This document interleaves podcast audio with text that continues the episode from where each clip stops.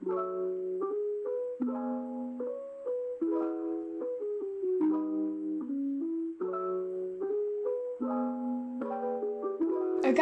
მეგობრებო, თქვენ უსმენთ პოდკასტს ყველაფერი.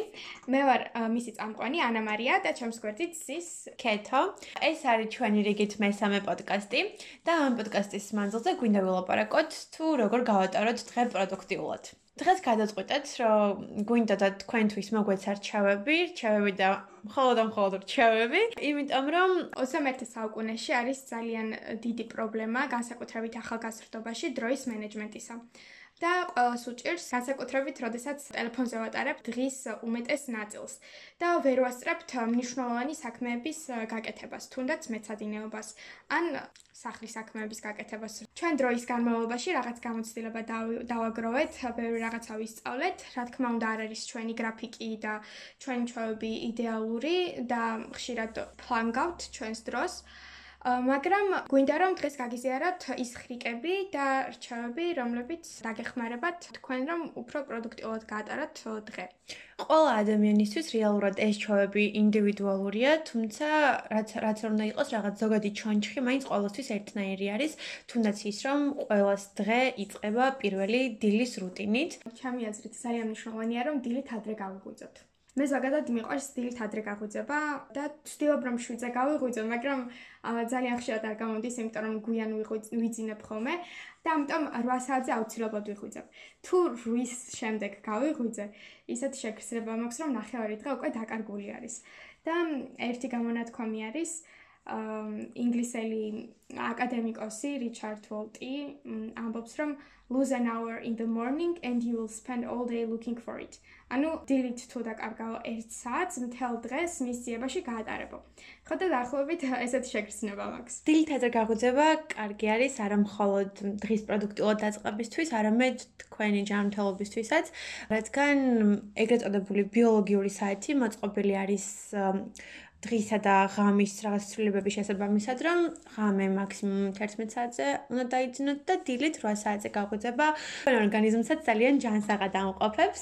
ვერ საინტერესებს როგორ ვიღვიძებ ასე ადრე და რატო არ მჭირს და ანუ ძალიან მარტივი არის ამაზე პასუხი. ღამე ადრე უნდა დაიძინოთ, დაახლოებით 11-ზე, მაქსიმუმ 12-ზე და ასევე ძალიან მნიშვნელოვანი არის, რომ ძილის წინ 1 საათით ადრე, მაგრამ ამ თქვათ მინიმუმ მეცნიერები ამბობენ მინიმუმ 9 საათით ადრე, უნდა შეწყვიტოთ ტექნოლოგიებთან ყველანაირი კონტაქტი. ხო, იმიტომ რომ ეს ლურჯი გამოსხივება მაინც ახდენს გავლენას ჩვენს ორგანიზმზე, განსაკუთრებით საღამოს საათებში და იწვევს უძილობას ხო რეალურად. კი მე ასევე გამიგია რომ გამიკითხავს რომ დილის დაწყებაც არ შეიძლება აი პირველ რიგში რომ ვიღვიძებთ და ტელეფონს ვიღებთ ხოლმე ხელში ეგეც ძალიან ცუდია და აი ის კითხვა რომ როგორ ახერხებ მაგალითად ყოველ დილას ესე ადრე გაღვიძებას ანუ რეალურად პირველი პერიოდი არის მიჩვევის პერიოდი. ზოგადად ცნობილი არის ასეთი ფაქტი, რომ თუ კი გინდა რომ რაღაც ჩვევა შეიძინო, სამი კვირა უნდა აკეთო ეს რაღაც ინტენსიურად და მეორე უკვე თავისით გექნება ამისი მოთხოვნილება და სამი თვე თუ ამ ჩვევას გაიმეორებ, ანუ უკვე გაკეთება აღარ გაგიჭირდება და სამი თვის მერე ეს უკვე ანუ ისეთი ჩვევა იქნება, რომ ამის გარეშე ვეღარ მოახერხებ შენი ყოველდღიური რუტინის წარმართვას და თუ კი შეძლებთ რომ სამი კვირის მანძილზე დაარეგულიროთ და საკუთარ თავს წინააღმდეგობა გაუწიოთ და ადრე დაიძინოთ და ადრე გაიღვიძოთ. სამი კვირის შემდეგ ეს ყველაფერი ძალიან გაგიმარტივდებათ და სამი თვის შემდეგ ეს თქვენი განუყოფელი ჩვევა იქნება. შემდეგი რაც უნდა გააკეთოთ ყველაფერთან ერთად, იმისათვის რომ იყოთ პროდუქტიულები და ზოგადად გქონდეთ ენერგია და ასე შემდეგ, მნიშვნელოვანი არის ჯანსაღი ცხოვრების წესი, რადგან თუ კი ჯანსაღად არიწყებთ დილოს და დღის მანძილზეც არაჯანსაღად იკვებებით და ასე შემდეგ, ეს ყველაფერი ენერგიაზეც და ხასიათზეც აისახება, გამომდინარე იქიდან, რომ ყველაფერი მუცელთან ასოცირდება, ასე ვთქვათ. ამისი ერთ-ერთი ყველაზე კარგი მაგალითი არის ის, რომ დილა უნდა დავიწყოთ წყლის დალევით, ერთი ჭიქა წყალი, რომ მეტაბოლური პროცესები შემდეგ ორგანიზმში კარგად წავიდეს. ძალიან დიდი ხნის მანძილზე მეც არ ვიწყებდი ჩემს დილას წყლით, მანამ სანამ ანამარიამ ესეთი იდეალური შედარება არ გააკეთა და არ მითხარა დილით რომ ვიღვიძებო და წყალი რომ არ დავლიო, წარმოვიდგენ რომ რაღაც სასრიალო არის, რომელიც მშრალი არის და რო ჩავსრალდები ვერ ვერ სრიალდებიო რა ბოლო ბოლომდეო და როცა რაღაცას შევჭამო და რაღაც საყლაპო მილში ბოლომდე კარგად არ ჩადისო, ამ დროს ხვდები რაღაც წყალი უნდა დააყოლო და ამიტომაც უნდა დაიწყო დილა წყლითა და ყოველ ჯერზე როცა დილას საუდგებოდი და წყლის ძალევა დამოვიწყებოდა და რაღაცას შევჭამდი, ეგრევე მახსენებოდა მშრალი სასრიალო და ეგრევე მივიდიოდი წყლის დასალევად, რომ ეს სიმშრალე დამებალანსებინა. დღის განმავლობაში ძალიან მნიშვნელოვანია წყლის მიღება. აჰა, ამის ნახვა შეგიძლიათ არის სპეციალური რაღაც კალკულატორები, რომლითაც თქვენ სწონასთან მიმართებით შეგიძლიათ რა წყლის რაოდენობა გამოიანგარიშოთ დღეში, რამდენი უნდა მიიღოთ და თერმოსით წყლის ტარება საკმაოდ გამართლებული არის. მეც დანამერსაც უნივერსიტეტში თერმოსი დაგვაქვს ხოლმე და თან ხელში რო გიჭირავს და რაღაცა სულ გახსენდება, რომ უნდა დალიო რა. სამი კვირის მერე უკვე მოთხოვნილებაც გაქვს რეალურად, მაგრამ სანამ სამი კვირა გავა, მანამდე აი რეგულარულად რო ხედავ, რომ მეტად გახსენდება და გინდება ხოლმე. ჩემი წითელი თერმოსი ცნობილი არის ყველა ჩემი მეგობრისთვის და კურსელისთვის. დავამთავრეთ ეს ჩვენი დილის რუტინა, კბილები გამოვიხერხეთ, წყალი დავლიეთ და რა უნდა გავაკეთოთ ახლა მთელი დღის განმავლობაში. რომ ავირიდოთ ეკრან დამოკიდებულება, ამისათვის უნდა ვიცოდეთ, რა უნდა გავაკეთოთ ტელეფონზე სკროლვის მაგივრად. ამისათვის მე ყოველთვის მიმართავ სის ჩამოწერას. ყოველ საღამოს სანამ დავიძინებ, წერ ხოლმე სიას თუ რა უნდა გავაკეთო შემდეგ დღეს. და ოღონდ აუცილებელი არის რომ შემდეგ დღეს დღის განმავლობაში ჩაიხედოთ ხშირად ამ სიაში, რომ გაგახსენდეთ რომ დღეს ესენი გაქვთ, ეს პუნქტები გაქვს გასაკეთებელი და რომ გაგახსენდეთ და არ დაკარგოთ ტყუა დრო.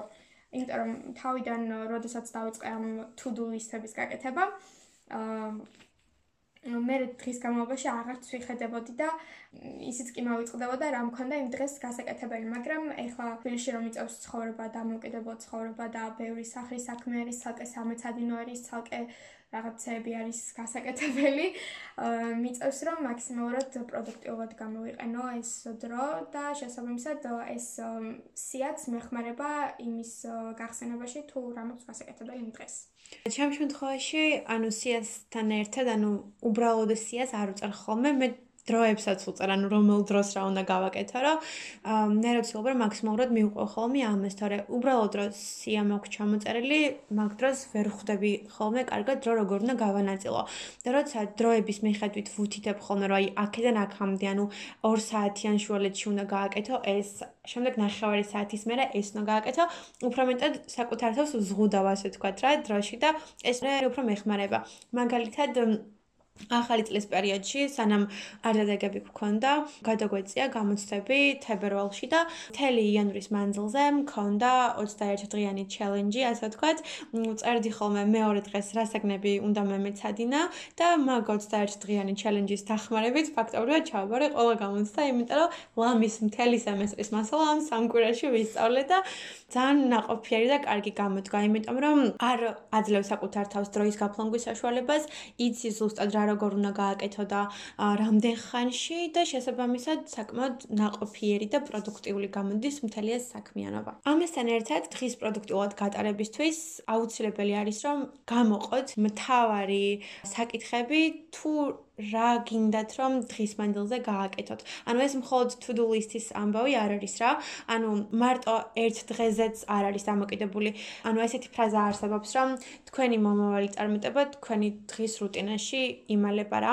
და მაგალითად თქვენი სამომავლო long term ის მიზნები რაც არის, ყველაფერი შეგიძლიათ რომ ეტაპობრივად დღის მანძილზე ერთ დღეში ჩააქსოვოთ. თანდათანობით მიუახლოვდეთ უფრო და უფრო თქვენს დასახულ მიზანს. ანუ იმის გამო რომ პროდუქტულობა მარტო სწავლის საკითხი არ არის თქო რა, ანუ მხოლოდ მეცადინეობა და შემდეგ არა. ამავდროულად, ჩემი აზრით, ჩვენთვის ჩვენთვის ანომერისთვის პროდუქტულად ითვლება ის დღეც, როცა მოახერხეთ, რომ სახლი კარგად დაგოლაგებინა და სახლის საქმეები სრულყოფილად გაგვეკეთებინა. ამ ძალიან მიყვარს კვირა დღე, იმიტომ რომ კვირა დღეს არ მაქვს ხოლმე ლექციები და უმეტეს დღეს უთმობ სახლის საფუძვლიანად დაალაგებას და ორშაბათს რო ვიღვიძებ დავაკეთე არის ყველაზე სასიამოვნო შეგრძნება. თავიდან ალბათ ძალიან გაგიჭირდებათ ეს ყველაფერი დროის მენეჯმენტი საკმაოდ რთულად არის მისაღები და ასათვისებელი. პირველ რიგში საკუთარი თავი უნდა შეიცნოთ, ასე რომ ვთქვათ. მაგალითად შეიძლება რომ დღის განმავლობაში გინდათ ვარჯიში, ივარჯიშოთ. მაგრამ ვთქვათ დილით თქვენი ორგანიზმი არ არის იმდენად ენერგიული, როგორც შუა დღეს ან საღამოს. შესაბამისად უნდა მოусმინოთ საკუთარ თავს, უნდა შეიცნოთ საკუთარი თავი, რომ შემდეგ უკეთ გაიგოთ თუ რა ჯობია პირველი გააკეთოთ, რა ჯობია მოგვიანებით გააკეთოთ. მაგალითად, მე დილობით მიყვარს უფრო მეცადინეობა, იმიტომ რომ დასვენებული არის ამ დროს გონება და უფრო მარტივად ვითვისებ ყველაფერს. და საღამოობით ვარჯიშობ ხოლმე. ანუ ეგ საკითხი თან ძალიან ინდივიდუალურია, იმიტომ რომ ჩემ შემთხვევაში პირიქით არის, ანუ მე მირჩევნია რომ დილით ვივარჯიშო და საღამოობით ვიმეცადინო ხოლმე, ვიდრე პირიქით, იმიტომ რომ დილით რომ ვიგვიძებ რაღაცნაირად ძალიან გათიშული ვარ ხოლმე და მაგალითად მე პირადად მირჩევნია რომ დილით რაღაც ისეთი საქმეები ვაკეთო, რაც არ უკავშირდება სწავლას არანაირად და მაგალითად თუ სადმე წასასვლელი ვარ, რაღაც ეგ საქმეები მოვითაო ხოლმე და საღამოს დავჭა და ვიმეცადინო, ვიდრე დილით. სწავლის საკითხსაც შეეხება მე პირადად YouTube-ზე არის ხოლმე ვიდეოები, სწავლის სესიები და არის ხოლმე გამოყოფილი დროები, ანუ რაღაც კონცენტრაციას ადამიანი მაქსიმუმ 9 საათი ახდენს ხოლმე, ანუ ამაზე დიდხანს არ შეუძლია გონება სრულყოფილი კონცენტრაცია და გადაბმულად თუ ვერ მეცადინეობთ ხოლმე და ამასთან მიმართებით რაღაც პრობლემები გაქვთ, ანუ არ გიგონოთ, რომ არ შეგიძლიათ ან ასე შემდეგ, არამედ ეს ძალიან ნორმალური არის. ნახევარი საათის მერე შეგიძლიათ 10 წუთიანი ბრეიქივით გააკეთოთ და შემდეგ გააგრძელოთ. YouTube-ზე არის ამისი სწავლის სესიები, შეგიძლიათ რომ მოძებნოთ და ანუ იქ უცხოელები მეცადინეობენ, თან ეს ყველაფერი არის live რეჟიმში მიდის ხოლმე და შეგიძლიათ რომ ეს სწავლის სესიები ერთად გააკეთოთ ხოლმე. ოღონდ ეს ყველაფერი რაღაც ჩაწერილი არის ვიდეოზე და რაღაცნაირად თან სახალისოც არის რა, იმიტომ რომ ეგრეთ წოდებულ guideline-ებს გაძლევს ის ადამიანი, ვინც მეცადინეობს, რომ აი ეხა ნახევარი საათი ვისწავლოთ, მე 10 წუთიანი შესვენებაა და ამ შესვენების პროცესში მე რაღაც რაღაც საკითხებზე საუბრობთ და კარგი არის ყურადღების გადასატანადაც. ე ახლა შენ ალბათ პომოდოროს ეფექტზე თუ მეთოდზე საუბრობ. ეს არის მეთოდი სწავლის 20 წუთი უნდა იმეცადინო, აღონთ თავაუღებლად, ტოილეტში წასვლა რომ მოგინდათ არ უნდა ადგეთ. და შემდეგი 5 წუთის განმავლობაში უნდა დაისვენოთ, აღონთ შეეცადოთ რომ ტელეფონი არ აიღოთ, იმიტომ რომ ეგ 5 წუთი ალბათ შეიძლება 10 და 20 წუთამდე გაგრძელდეს. და მე ისე 20 წუთი უნდა იმეცადინოთ, მე ისე 5 წუთიანი შესვენება, მე რაღაც პერიოდის შემდეგ 15 წუთიანი შესვენება არის.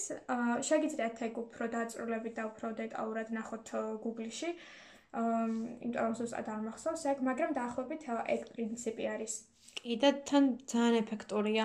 და კიდევ ერთ რაღაც, თუ კი გინდათ რომ მეცადინეობის დროს, მაგალითად თუ კი ეს არ გინდათ რომ რაღაც YouTube-ში რაღაცებს უყუროთ და ისე იმეცადინოთ და გინდათ რომ თქვენთვის წყნარად იმეცადინოთ, მაგრამ ტელეფონის აღების სურვილი მაინც გაქვთ ხოლმე, შეგიძლიათ რომ ან airplane-ზე დააყენოთ, ან უბრალოდ ინტერნეტი გათიშოთ და სხვა ოთახში დადოთ და იგი უთხრას თქვენთავს, რომ მოდი მე ხარ რაღაცას ვისწავლი და ამას არ გავეკარები.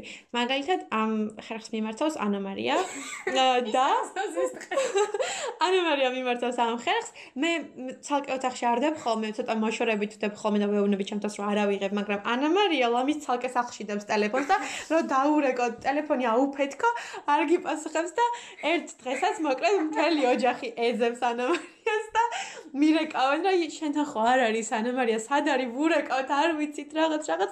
ლამის ავდექი და მივაკითხე სახშო ცოცხალი ხო ხარ აღმოჩნდა რომ რასაკეთებ და მეცადინეობდა. ტელეფონს ხმა გამოურთო გათიშა და სწავლობდა სიმშვიდეში.